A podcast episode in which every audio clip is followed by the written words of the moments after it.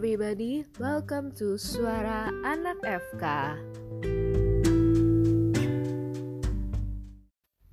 Hey, you're listening to Suara Anak FK. For this episode, untuk episode kali ini kita kedatangan special guest nih. Ada teman aku namanya Dr. Zenita Medasari. Jadi, kenapa sih aku ngundang dia dan siapa sih dia? Nah, pada episode kali ini aku mau ngebahas gimana awal mula semuanya aku dan Zenita bisa masuk ke fakultas kedokteran. Dan fakultas kedokterannya di Banjarmasin lagi. Kalau ceritaku sih ya basic aja, SNMPTN gak keterima, SBMPTN akhirnya keterima. Tapi yang membuat unik mungkin kenapa dari Jakarta bisa ke Banjarmasin kayak gitu kan. Nah itu tuh sebenarnya karena pas SBMPTN aku memang daftar di Banjarmasin tapi di pilihan ketiga. Aku nggak tahu ada fakultas kedokteran ini sebelumnya karena aku berasal dari sekolah swasta yang tidak terlalu banyak informasi mengenai fakultas kedokteran negeri. Nah jadi saat aku mendaftar fakultas kedokteran ini memang awalnya aku nggak tahu kok misalkan ada fakultas kedokteran ini. Dan akhirnya aku daftar dan itu menjadi pilihan ketiga. Surprisingly keterima. Pada waktu itu awalnya aku agak bingung dan agak kaget keterimanya seneng tapi agak bingung karena ada environment baru. Bener-bener semuanya baru. Ya mungkin advantage-nya ada beberapa keluarga mamaku yang di sini jadi ya lebih enak aja apa-apa ada bantuan keluarga. Tapi untuk teman dan lingkungan semuanya serba baru jadi aku mulailah beradaptasi. Sempat mikir juga mau balik ke Jakarta atau mencari swasta di Bandung. Tapi ternyata setelah satu tahun aku menjalani enak kok kerasan-kerasan aja. Dan aku sekarang udah enam tahun di sini sudah menyelesaikan pendidikan dokter di Fakultas Kedokteran Universitas Lambung Mangkurat. Ya gitu teman-teman. Nah jadi nih sekarang ceritaku tuh basic banget kan kayak ya udah normal-normal aja. Tapi temenku nih si Zenita ini super banget teman-teman. Dia itu rela pindah dari universitas terbaik di Indonesia yaitu Universitas Indonesia dan pindah ke Lambung Mangkurat. Penasaran gimana ceritanya? Langsung aja kita panggil Zenita. Hai Zen gimana kabarnya? Halo Nat, alhamdulillah baik nih. Kamu gimana di sana? Baik, baik, baik. Gimana Bogor lagi demo-demo gini kan? Iya sih, tapi udah mendingan sih, udah agak reda. Gak tahu Kalsel gimana? Kalsel aman-aman aja sih. Kemarin sempat demo tapi nggak gitu nggak gitu rusuh kayak di Jakarta dan sekitarnya gitu. Oke deh. Alhamdulillah, Nah, Beb.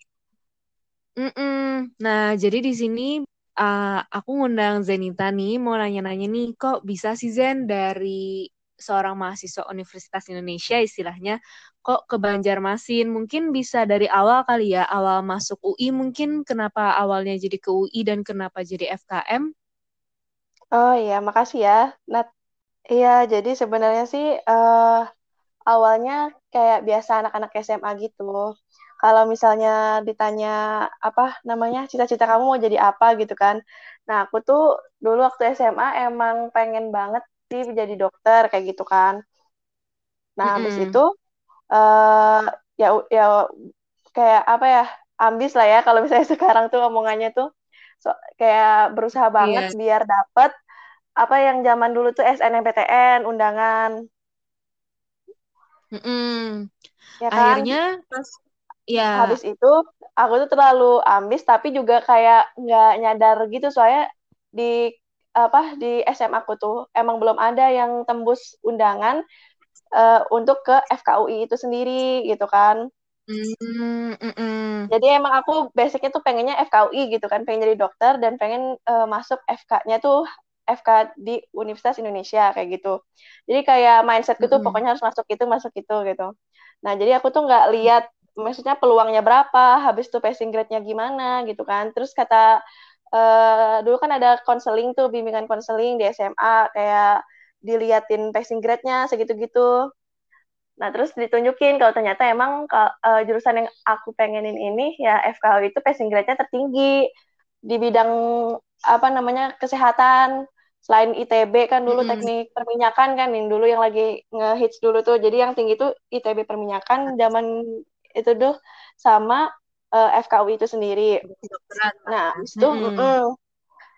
Nah, habis itu ya karena aku terlalu berat dan terlalu ambis jadi aku ah coba dulu gitu kan kayak sebenarnya kayak ini sih apa namanya kayak bunuh diri juga bisa dibilang waktu tahun 2013 tuh karena emang pertama kali juga kan dari SMA aku belum iya, ada gitu yang benar-benar iya nah habis itu aku coba tuh undangan uh, ke FKUI gitu apply gitu lah ibaratnya. Kan katanya nilai rapotnya tuh nggak boleh turun sama sekali. Nah aku usahain biar dapat tiga besar lah apalah pokoknya gitu gitulah nah habis itu pada menurut yang kita lihat sih kayaknya bagus aja nih kata guru lesku juga kayaknya peluangnya masuk aja. Tapi ternyata nggak keterima dari jalur undangan itu. Nah habis itu mulai deh di, dibilang dari guru dari guru bimbingan konseling di SMA sama dari bimbingan di luar sekolah itu kayak les-les gitu les buat apa namanya dulu SBMPTN kan diarahin gitu kan ke mana ke mananya nah habis itu ditanya sebenarnya sih dari pertanyaan dari guru les itu sih yang bikin ngebuka pikiran aku waktu itu. Jadi ditanya sama guru les itu eh, masing-masing orang dari kita tuh ditanya cita-cita kita tuh mau jadi apa sebenarnya kayak gitu. Nah, aku tuh ya mungkin bisa dibilang naif sih karena emang pengen jadi dokter banget gitu kan. Dan emang zaman dulu tuh pasti nggak ada kepikiran mau jadi dokter yang gimana-gimana. Intinya mah pengennya jadi dokter, pengen bisa apa namanya jadi uh, perpanjangan tangan Tuhan yang gitulah pokoknya klasik gitu tapi kenyataannya emang kayak gitu gitu nah habis itu ya udah terus ditanya kemungkinan terburuknya sama guru lesku kalau misalnya nggak nggak nggak bisa masuk FK mau gimana gitu kan. Aku tuh sampai nangis kan alay banget. Maksudnya kayak karena emang saking pengennya gitu kan. Tapi ke, baru ditanya gitu aja udah apa namanya udah kebawa emosional gitu kan. Ya terus kata guruku ya bagus sih sebenarnya punya keinginan yang kuat banget sampai ditanya aja udah segininya gitu kan tapi harus dipikirkan kata dia. Kata beliau tuh harus dipikirkan alternatif alternatif lain yang bisa uh, di dicoba gitu. Maksudnya kita bisa bermanfaat di bidang kesehatan tapi nggak nggak mesti nggak melulu harus jadi seorang dokter kayak gitu kan. Nah habis itu aku tuh benar-benar nggak tahu tuh mau jadi apa di situ karena pertanyaannya diubah kayak gitu. Karena yang aku tahu dulu tuh pokoknya uh, lulus SMA habis itu uh, berjuang keras masuk FKUI pengen jadi dokter udah gitu aja yang ada di otakku. Nggak tahu kalau misalnya seburuk-buruknya kejadian itu nggak keterima gitu kan. Nah habis itu ya udah dari guru lesku tuh nasihatin kayak gitu kayak perlu pilihan alternatif yang bisa bikin kita tuh bermanfaat di bidang kan aku berarti interestnya di bidang kesehatan. Berarti cari yang masih ada korelasinya di bidang kesehatan tapi nggak harus jadi dokter. Dipilihin sama beliau satu kan fakultas kedokteran gigi ya kan yang mirip-mirip banget gitu. Dua habis itu katanya uh, uh, keperawatan FIK Fakultas Ilmu Keperawatan. Nah habis itu yang ketiga baru uh, Kesmas Kesehatan Masyarakat. Habis itu dia jelasin sama beliau tuh kalau misalnya dokteran gigi itu ya mirip dokter cuman kan cuma ngurusin gigi, apa sebatas rongga mulut gitu dan juga uh, banyak yang bilang biayanya tuh lebih lagi dari dokter kalau dia udah lulus kan buat prakteknya dan segala macam alat-alatnya. Nah, terus kalau misalnya keperawatan itu lebih ke eksekusi ke pasiennya gitu kan. Nah, habis itu kata kalau misalnya yang kesmas katanya itu bisa uh, jadi manajemennya. Nah, aku tuh mungkin juga kesel ada kalau setelah ditolak dari undangan nggak nggak keterima gitu uh, habis itu ya udah aku tuh mikir oh kayaknya bagus nih kesma apa kesmas gitu kesehatan masyarakat. Aku tuh dulu kepikirannya pengen belajar manajemennya biar aku bisa ngatur dokter kayak gitu. Sesimpel itu sih sebenarnya. Biar saking aku bisa ngatur dokter. terima, ya. iya saking keselnya gak keterima. Ya udah karena ada pelajaran manajemen kesehatannya itu yang ku pengen gitu kan. Terus juga katanya ada apa bisa jadi manajer rumah sakit dan lain sebagainya. Terus juga bisa ikut WHO yang gitu-gitu lewat epidemiologi yang gitu-gitu kayak oh kayaknya bisa nih coba kesmas dimasukin lah di salah satu pilihan uh, ini apa namanya waktu itu tuh uh, simak simak UI pilihan simak UI itu kan ada FKM jadinya. Pilihan ke simak UI kan dulu tuh masih bisa milih delapan ya pas zamanku dulu tuh bisa milih hmm. delapan. Nah jadi aku tuh milih dari yang pengen banget kan FKUI pertama. Nah, pilihan kedua tuh FKG UI nah yang ketiga baru kesmas yang keempat keperawatan terus yang kelima tuh biologi. Kalau masalah aku sampai mau milih biologi coba. Terus yang keenam tuh aku milih fisika sampai segitu sampai ya ampun. Yang penting sampai jadi, semua iya, pelajaran iya, IPA sampai semua. Iya yang penting pelajaran IPA gitu kan jadi jatuhnya. Jadi dari mulai kemungkinan terburuknya itu di kesehatan tapi nggak harus dokter sampai yang nggak kesehatan tapi masih di ranah IPA gitu tapi di UI gitu ya udah aku hmm. pilih itu dan ternyata uh, pas simak itu ke, apa keterima tapi kesmas gitu terus habis itu aku masih hmm. bingung kan mau milih mau ngambil atau enggak gitu maksudnya terus waktu itu tuh kan banyak ya yang ujian-ujian gitu kan zaman waktu 2013 tuh ujian hmm. Mandiri ya namanya ujian mandiri tuh iya ujian mandiri uh, uh, ujian mandiri tuh aku coba juga ke Undip. Nah, habis itu ke mana Unsut gitu kan. Nah, Unsut itu aku dapat inget biologi. Aku dapat pendidikan biologi di Unsut sama di mana ya? Undip. Terus dari Undip juga aku dapat Kesmas juga, tapi kayak apa namanya? jauh gitu kan dipertimbangin udah nggak dapat dokternya habis itu jauh pun Iya ya sih. udah. Tapi waktu di Undip sama mana tadi satu lagi maaf? Unsut. Unsut ya, Uns itu daftar Fakultas Kedokteran juga. Iya, lewat SBM kan dulu tuh. SBM mm -hmm. tuh aku gak, aku tuh gagal sama sekali gitu. Maksudnya aku pilihannya tuh tiga kan dulu tuh SBM, FKUI, FK Undip sama FK Unsut. Nah itu tuh tiga-tiga mm -hmm. itu bener-bener gak keterima gitu.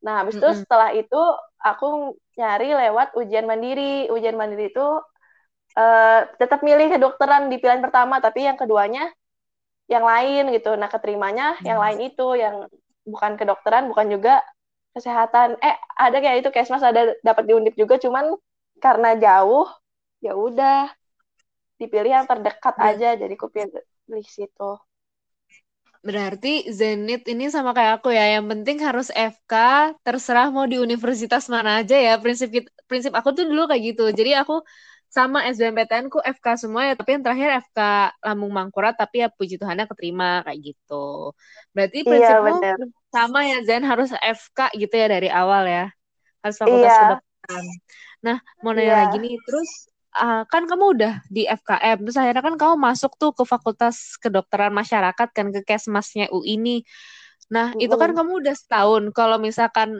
aku nih tipe orang yang ya udah deh jalanin aja sampai selesai gitu. Terus apa nih yang ngebuat kamu bertekad buat nyoba lagi tahun 2014-nya untuk daftar fakultas kedokteran dan bahkan bisa sampai ke Lambung Mangkurat, bisa sampai ke Banjarmasin. Padahal kan Zenita sama sekali nggak ada koneksi, sama sekali nggak ada keluarga, sama sekali nggak ada teman kan di sini.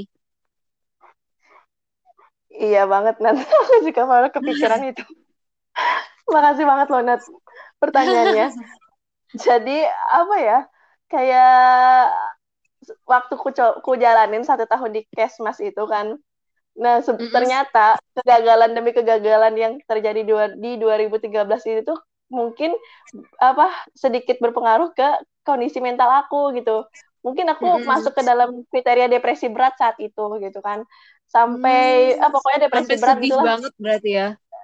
Iya iya kayak sedih sih. Orang tuh ngeliat aku tuh kayak apa ya uh, mekanisme pertahanan diri itu malah ini apa menganggap semua ini tuh nggak nyata gitu jadi kayak oh. mencoba memperlihatkan oh aku nih baik-baik aja padahal jauh di dalamnya itu sangat jatuh gitu jadi aku nggak ada hmm. nangis sama sekali harusnya kan nangis kan normalnya nah, ini enggak jadi ya karena itu karena tidak nangis itulah apa akhirnya aku masuk ke golongan depresi berat kan Nah, ya, pas mm -hmm. aku jalan nih satu tahun itu, ternyata uh, kena efek juga tuh gara-gara depresi beratku itu. Ya minimal moodnya lah ya. Nah, habis itu di situ tuh ternyata gedung FKM itu emang satu lingkup sama gedung FK yang baru. Jadi ternyata, ternyata kan dulu kan kita tahu kalau FKU itu di Salemba kan. Nah, yeah. pas di 2013 ini udah dibangun gedung baru di Depok dan itu tuh satu lingkup gitu, satu lingkaran itu sama uh, rumpun ilmu kesehatan. Jadi ada lima fakultas yang kegabung. Jadi at least tuh kita tuh belajar bareng-bareng selama satu tahun pertama bareng anak FK gitu loh. Jadi setiap hari aku tuh ketemu mereka. Jadi makin kerasa ya. Iya, Aduh, jadi gitu. makin kerasa. iya banget, jadi makin kerasa. Jadi ya ampun, seandainya. Jadi selalu kayak gitu, seandainya aku lulus kayak gitu. Terus ya udah. Habis itu ternyata pas masuk ke dalam kesmas juga pas ngomong-ngomong lebih jauh, teman-teman dekatku juga ternyata memang pilihan pertama mereka tuh FK gitu. Jadi kayak bahkan ada plesetannya tuh zaman kami tuh dulu ini FKM tuh fakultas kepleset gitu loh. Mau kedokteran tapi gak jadi. Iya jadi kayak ya dibilang fakultas kepleset gitu karena ya itu banyak karena saking banyaknya banyak orang yang, yang mau FK ya sebenarnya. Iya tapi banyak juga sih yang pengen emang pengen nah. kesmasnya gitu. Cuman teman-temanku kebetulan beberapa yang emang pengen FK tapi nggak dapet. Nah kayak gitu. Nah habis itu ya udah terus gara-gara sebenarnya sederhana melihat Sobota sih dulu aku. Jadi kan kita tuh ada dulu tuh pelajaran anatomi dasar fisiologi dasar gitu. Terus tergabung sama FK tadi kan. Kayak dibagi dalam fokus grup kecil-kecil diskusi gitu Nah, melihat anak-anak FKI membawa sobota-sobotanya, lalu membawa, pokoknya apa namanya buku-buku paket yang tebal-tebal ya. itu lah ya. Iya dan kita tuh dan kami tuh eh, nggak uh, bawa apa-apa gitu cuman bawa kayak tab doang gitu kan. Terus ya mungkin kena walai juga kayak duh pengen banget gitu kan ngeliat kayak lihat sobota tuh kayak apa gitu. Ya ampun pengennya aku punya itu dan belajar itu gitu. Habis tuh ah kayaknya cuman terlalu apa namanya berlebihan aja dari sisi akunya gitu. Ternyata di semester 2 semester 2 sih aku mulai terus kepikiran gitu. Sampai akhirnya, sholat istiqoroh mm -mm. Hmm, akhirnya uh, mempunyai tekad lagi lah. Kayak kayak aku mau nyoba lagi nih buat fakultas kedokteran pada tahun 2014 jadi kayak gitu ya Zen? Iya jadi aku pas semester 2 itu apa namanya ingat banget aku bulan Mei kalau nggak salah. Kan SBMPT-nya tuh Juli ya. Itu tuh cuman cuman punya waktu dua bulan juga nggak nyampe gitu. Soalnya aku baru kepikirannya itu awal-awal Mei. Jadi kayak tiba-tiba sholat istiqoroh gitu kan kayak memantapkan hati gitu. Terus aku juga cerita ke teman-temanku kayaknya aku mau nyoba deh gitu. Nah terus ternyata teman-temanku juga oh iya deh kayaknya aku nyoba. Nah sekitar ada 10 orang kalau nggak salah yang emang keikut pengen nyoba juga gitu waktu itu. Ya udah akhirnya aku beli apa namanya semakin mantep kan oh teman-temanku juga mau nyoba gitu kan jadi nggak sendiri. Ya udah mm -mm. terus juga jawaban khas apa kayak soal apa namanya sholat memohon petunjuknya juga lebih kuat ke arah coba lagi aja zen kayak gitu. Ya udah aku coba. Cuman dengan membeli paket dulu tuh zamannya zamannya Zenius gitu kan. Zamannya bimbel yang awal-awal pakai voucher. Itu tuh cuman beli yang paket satu yang paket satu setengah bulan doang. Jadi kayak digeber gitu loh satu hmm. setengah bulan belajar apa gitu. Intensif kayak, intensif iya sendiri dan memang nggak nggak bimbel lagi kami cuman belajar itu doang beli voucher. Terus ya udah deh kayak ibaratnya coba-coba aja keterima syukur enggak juga ya udah gitu. Nah terus nah, waktu itu berarti pakai jalur apa Zen? SBMPTN ya? Iya jalur oh, SBMPTN SBMPTN nah berarti mm. kamu bisa kepikiran lambung mangkurat tuh gimana ceritanya Zen? Kepikirannya itu juga aneh pasti kamu dengernya dari YouTube. dari YouTube? jadi aku tuh iya, jadi aku tuh uh, nge-search nge-searching searching kan FK FK di Indonesia gitu. Nah, habis itu uh, aku tuh um, apa namanya nggak pernah yang namanya jauh-jauh gitu kan nggak pernah maksudnya nggak diizinin sama orang tua untuk bermain jauh lah dari rumah. Paling paling dekat paling jauh itu masih area Jawa Barat nggak pernah keluar dari Jawa Barat gitu kan istilahnya. Nah habis itu aku iseng nyari di YouTube fakultas kedokteran fakultas kedokteran gitu di luar eh, di luar Jawa. Nah nggak tahu kenapa di YouTube tuh nemu YouTube-nya ini. Sebenarnya sih dia punya KG ya punyanya KG Unlam jadi kayak dia tuh perkenal apa sih kayak perkenalan prodi perkenalan Fakultas. prodi. Mm, dan gedung barunya yang ada di veteran Banjarmasin itu. Terus aku tuh cuman bilang kok kayaknya bagus ya gedungnya. Cuman kayak gitu doang. Terus kuliatin YouTube-nya mm makin kuliatin kan kayaknya bagus deh apa uh, gedungnya. Aku waktu itu cuman melihat Unlam dari gedungnya doang. Abis itu iya kayak lumayan lah aku bilang mirip-mirip lah sama apa namanya gedung yang ada di Depok aku bilang. Nggak apa-apa kok Zen. Aku bahkan nggak tahu sama sekali dulu. Taunya cuma dari kata orang doang. Lanjut lanjut terus? ngakak banget sumpah. Dari YouTube terus aku nanya ke mama aku kan mah kenal FK Un pernah dengar nggak FK Unlam? Nah mamaku tuh kaget hah Lampung? Gitu kan. Sampai sekarang juga orang-orang apa tahunya Unlam tuh Lampung kan. Lampung. Padahal di Lampung iya. bukan Unlam guys. Namanya tuh adalah iya. Unila. Iya banget padahal jauh banget ya. Unila sama Unlam tuh. Iya. Asli. Mungkin lamnya kan jadi kiranya Lampung. Iya benar ngakak banget sumpah. Terus mamaku tuh bilang oh kau Lampung teh. Abis itu kalau bilang lo bukan mah di Banjarmasin gitu kan. Terus mamaku tuh langsung keingat so, omku tuh ada kerja di Kalimantan tapi bukan Kalimantan Selatan sih. Terus ternyata pas ditelepon ke omku itu uh, rum omku tuh punya rumah di Banjarbaru ternyata. Keluarganya di situ juga nah mamaku juga baru tahu kan karena jarang ketemu karena di, dari apa kerjanya di Kalimantan gitu kan. Ya udah mamaku tuh ya udah deh tenang ada omku juga gitu kan di sana. Eh ternyata pas sudah dicoba dan keterima omku malah pindah dapat mutasi ke Jogja. Jadi kayak dapat zong gitu sih bisa dibilang karena awalnya kan nyangkanya ada saudara tapi ternyata enggak jadi malah pindah gitu jadi ngakak juga sih omku tuh sampai ya kenapa nggak kayak nggak berjodoh gitu? Aku bilang nggak apa-apa deh yang penting masuk FK gitu kan. Yang penting oh, masuk. nah akhirnya barulah uh, keterima lah di FK berarti FK unlamnya jalur SBMPTN ya Zen waktu itu? Mm, jalur SBMPTN tes kamu juga pilihan keberapa waktu itu lambung mangkuratnya pilihan ketiga.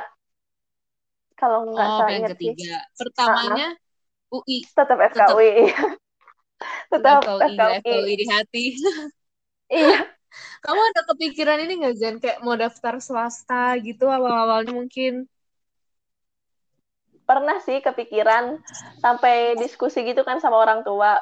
Uh, sebenarnya dari mama papa sih nggak apa-apa aja gitu mau milih mau nyoba dari FK swasta atau gimana. Cuman dari kitanya kan kayak yakin nih. Soalnya kan aku baca-baca di internet gitu kan di brosur dan dari teman-temanku juga yang nyoba FK swasta itu ada semacam uh, apa namanya? Uang gedung. sistem uang de uang DP di muka gitu. Ya kasarannya uang, uang gedung. gedung. lah. Mm -mm, uang gedung. Mereka bilangnya uang waktu zaman itu bilangnya uang DP gitu.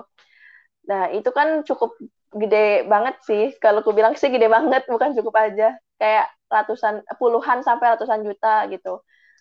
Dan hmm. kan katanya dulu tuh kan lebih mindset kita kan waktu SMA pokoknya harus PTN ya nggak sih?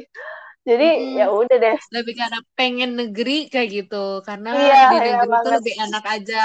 Padahal kita belum tahu tentu belum tentu ternyata di swasta lebih enak atau enggak kita kan nggak tahu ya. Cuman pada iya. waktu SMA tuh kita termindset termindset memang negeri lebih enak kayak gitu jadi akhirnya makanya ngejar negeri gitulah ya Zen. Berarti emang nggak nggak ada cadangan swasta ya pada waktu itu? Cuma ngeliat-ngeliat doang kayak gitu ya? Nggak ada cadangan swasta. Cuman lihat doang ya. hmm, ya cuman gitu. tahu lihat brosur-brosur doang sama website-websitenya doang. Nah perasaan Zen pas tahu keterima tapi di Lambung Mangkurat kayak gimana? Kan kalau pengumuman SBMPTN kan itu dia ngebuka ini kan kan waktu zaman yang kita waktu Zen SBMPTN lagi dan aku SBMPTN kan dia dibuka terus kayak warna hijau atau merah gitu kan. Iya, kan kelihatan iya, warna hijau tuh. Nah, hijau kan pasti kita kayak eh keterima, cuman kan kita pasti belum lihat tuh bawahnya Universitas Samung Mangkurat. Iya. Nah, perasaanmu kayak gimana pas itu?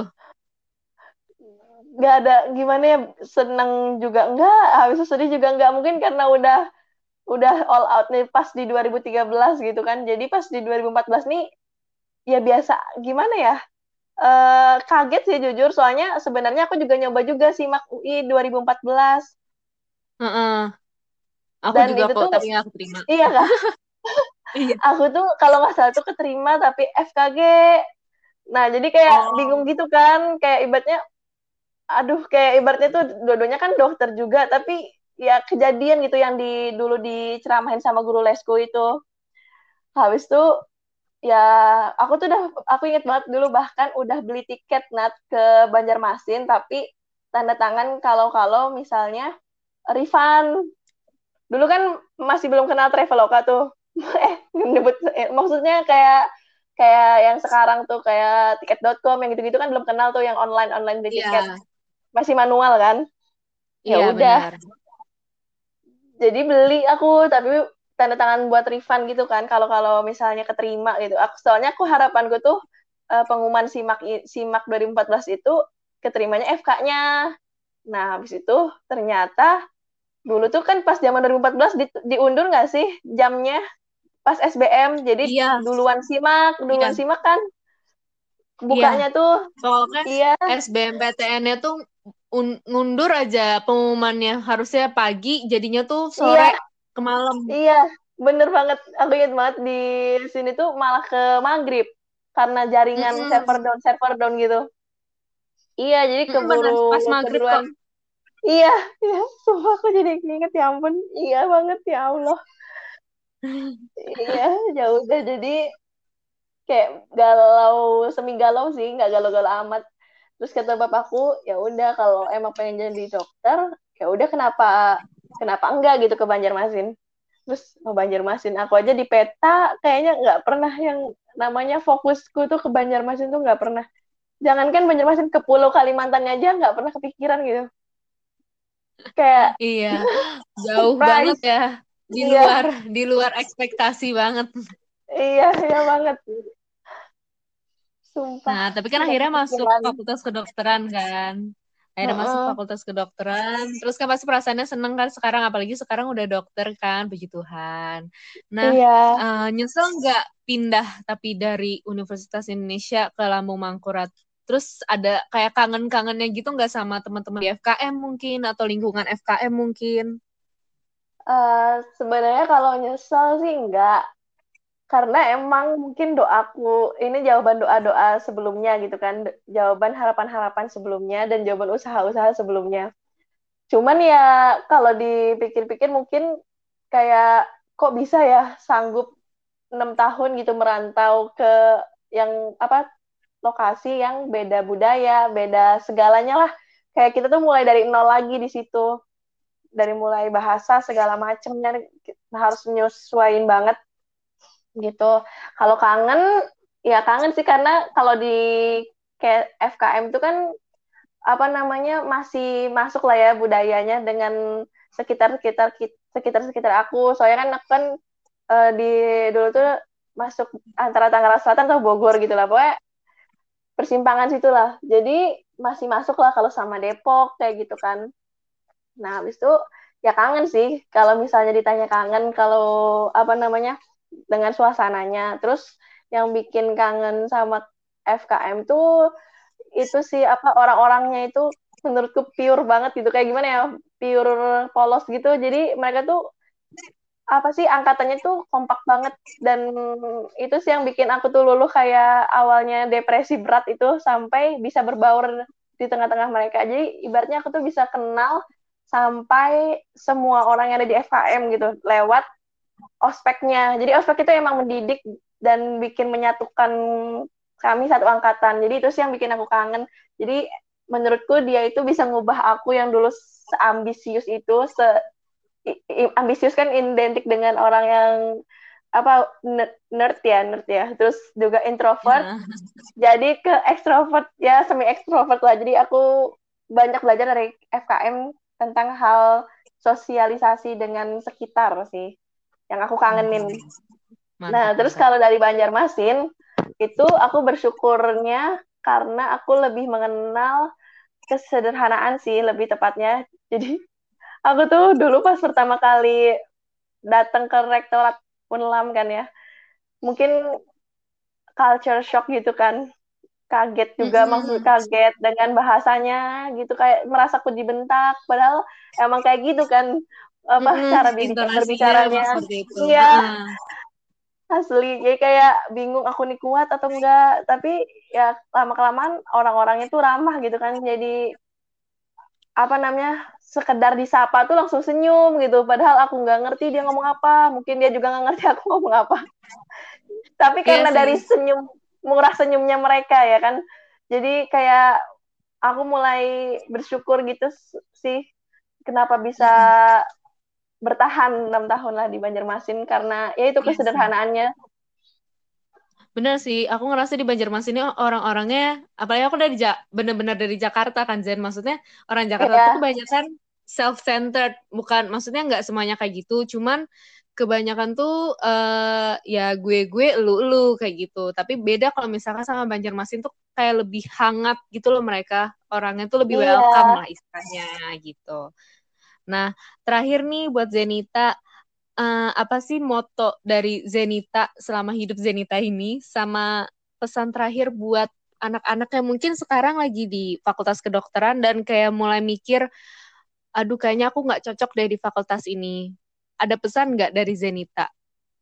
Hmm, sebenarnya sih uh, kalau misalnya yang buat nggak cocok di fakultas ini aku tuh dulu meyakini banget ya kalau misalnya uh, untuk menjadi seorang dokter itu adalah pilihan dari Allah langsung gitu, pilihan dari Tuhan langsung. Soalnya di luar sana tuh banyak banget yang uh, ibaratnya lebih parah daripada aku gitu, kegagalan yang bertubi-tubinya gitu. Bahkan ada sampai dia tuh udah tua banget. Jadi kayak kelihatan lah gitu berapa puluh kali dia mencoba dan berapa puluh kali dia gagal.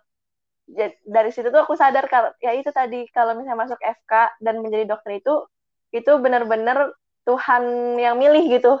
Jadi ya kesempatan yang dipunya sekarang itu disyukuri lah minimal gitu. Walaupun emang ada perasaan apa namanya kayak terjebak gitu ya kayak terjebak terus salah jurusan habis itu dan kayak merasa menyesal dan lain sebagainya wajar sih karena awalnya memang berasal dari ketidaksukaan kan. Sedangkan kalau misalnya dari aku pribadi awalnya berasal dari kesuk apa rasa suka rasa cinta gitu kan. Gitu. Jadi aku sih uh, cuman mau bilang syukurin syukuri aja apa yang sudah dimiliki yaitu kesempatan itu tadi. Karena kalau kita mau uh, explore di luar sana itu tuh kita tuh bakal lebih oh iya ya gitu aku udah dapet sedangkan mereka kakak-kakak tingkat kita gitu hitungannya kakak tingkat karena mereka lebih tua kan karena udah berapa berapa kali gagal gitu. Sampai nggak mm -hmm. sampai pengen terus gitu. Ya gitu sih dan mereka masih pengen berjuang sedangkan aku udah masuk di sini tapi bisa-bisanya ngeluh gitu padahal udah masuk gitu tapi bisa-bisanya ngeluh. Cuman ya emang butuh effort sih butuh kayak uh, usaha yang nyata gitu. Gimana sih caranya memulai rasa cinta itu? Ya harus dieksplor kayak kan di kedokteran itu nggak sem nggak semuanya mesti tentang mengobati kan? Juga banyak tentang dunia sosial yang kita tuh harus berbaur dengan sosial dengan masyarakat. Mungkin yang yang bilang yang bilang masih terjebak itu mungkin dia belum dapat eksplornya gitu menurutku sih. Tapi kalau misalnya dia udah dapat eksplornya misalnya kayak ikut kegiatan bakti sosial atau misalnya ikut suatu kegiatan lah momen atau event gitu dia pasti bakal kebuka sih menurutku. Jadi sebenarnya passion itu bisa dicari itu intinya sih. Passion itu bisa dicari dan bisa diusahakan. Benar benar benar. Itu terus jadi kalau misalnya misalkan... mm -mm. kenapa? Kalau misalnya kalau moto misalnya... Mm -mm, moto Zenita? Aku sebenarnya motoku cuma satu sih. Never say never aja. Lagu JB tapi itu tapi itu ini sih bagus sih. Maksudnya diimplement diimplementasikan ke hidup tuh bagus iya Oke deh Zen.